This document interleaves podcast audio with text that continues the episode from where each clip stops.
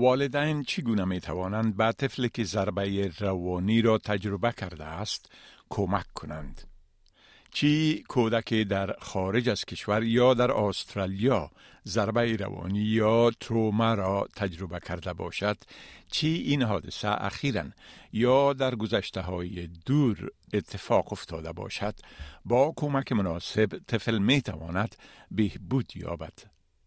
والدین و مراقبت کننده ها در کمک با اطفال برای بازیابی احساس امنیت و رفاهشان نقش مهم را ایفا می کنند. دکتر دیو پاسالیچ استاد ارشد و روانشناس طبی در فاکولته روانشناسی پوهنتون ملی استرالیا می گوید که اطفال ضربه روانی را به طریقه های مختلف تجربه کرده می توانند. Children experience trauma when they're exposed to very harmful or threatening events and they feel overwhelmed, distressed, and helpless. These intense events include things like natural disasters or car accidents, war, violence, abuse, and even distressing separations from caregivers. نورما بولز مامور پروژه مداخله زود در مرکز منابع اجتماعی مهاجرین یا سی امارسی در منطقه پاراماتای سیدنی است. او بر علاوه تمرکز بر موارد فردی بر چندین برنامه آموزش والدین نظارت می کند به شمول برنامه به نام سرکل آف سیکیوریتی یا حلقه امنیت که به والدین کمک می کند تا جهان عاطفی فرزندانشان را بهتر درک کنند. خانم بولز می گوید که در طول کار 17 سالش در سی امارسی یکی از مهمترین چالش ها برایش این بوده است که به والدین کمک کند تا زمان را که فرزندانشان در مشکل قرار می گیرند و به کمک نیاز می داشته باشند درک کنند. I work with refugees, asylum seekers, and migrants, usually the ones from the countries from the Middle East. That is the country, you know, where they come with a lot of trauma. The families in the beginning, they don't want to agree, you know, they need help. I say, okay, you don't like this country, you are very lucky to be here, but there are plenty service. From the beginning, when I know if something happened, especially the children when they are three or four years old and they are very aggressive in the supported play group, it depends. Some of them, they got some type of special need, another no. It's just behavior problem. دکتر پاسیلیچ توضیح می دهد که ضربه روانی یا تروما به خصوص زمانی که در مراحل مهم رشد رخ می دهد می تواند شدیداً بر ساختار و اجراعات مغز تأثیر بگذارد. Essentially, when a child's exposed to trauma, the whole world is flipped upside down. So, what used to be safe is now dangerous and scary. We know that trauma can impact children's brain and social emotional development, but also their long term well being. So, in general, trauma can affect how children behave, how they think, how they feel, and how they relate to others in relationships. And so this can impact how they function both at home and at school. So, for example, trauma can cause a child to feel on edge a lot of the time and to see more threat around them than there really is. And this can lead them to feel unsafe and scared.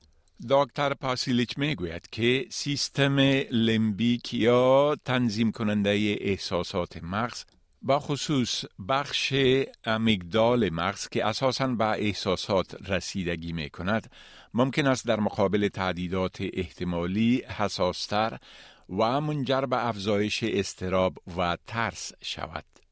Children who experience prolonged exposure to traumatic events really shift into survival mode in their brain and their body. And they do this to adapt to the chaos and the constant danger. So if a child is exposed to a lot of violence in the home, let's say, they may become more alert or hypervigilant in their body for most of the day, even when the violence is not occurring. پس والدین و مراقبت کننده ها چی کمکی کرده می توانند؟ ملانی دیفولتس مشاور با 14 سال تجربه در بخش کمک با والدین و معلمین در مکاتب سراسر استرالیا بر اهمیت توجه کردن والدین و مراقبت کننده ها به صحت روانی و عاطفی خودشان تایید می کند. What I would encourage for people is to recognize that when you're in an emotional response or when you're actually going through an inability to stabilize your feelings, that's not normally a place where you can hold a ground for a child because you're not regulated yourself. And so for me, part of holding that ground is recognizing I'm part of the ground they're standing on and how am I?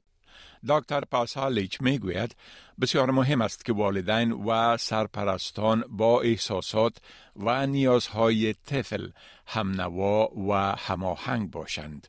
It's really important for parents, first of all, to use what we call sensitive parenting. So, essentially, being curious about what your child's behavior may be telling you about their deeper needs. So, for example, if a child feels unsafe and that the world is unpredictable, they might show quite controlling or even aggressive behavior. But instead of reacting to this controlling behavior, we should really try and step back and respond to the child's deeper need for security. دکتر پاسیلیچ توضیح می دهد که ایجاد یک محیط امن و پرثبات در خانه نیز مهم است. It's also important for parents to provide safety and routine in the relationship and family. So, really ensuring that your family continues with their typical routines can provide structure in your child's life and help things feel more predictable and safe. And then it's really important for parents to spend time with their child and to prioritize that relationship. So, maintaining a safe and secure relationship with your child is the most vital activity following exposure to traumatic events. Your child would need you to be calm and loving in order to aid their recovery. با گفته دکتر پاسیلیچ بسیاری از اطفال به صورت طبیعی از تروما یا ضربه روانی بهبود می‌یابند اما اوقات وجود دارند که طلبیدن کمک حرفه‌ای ضروری می شود. If your child does not show a path of recovery or perhaps if their problems escalate and impact on their everyday life, then it's really important to seek professional help. This help could come from a trained and accredited therapist, such as a psychologist or a mental health counselor, um, anyone with experience in working with child trauma.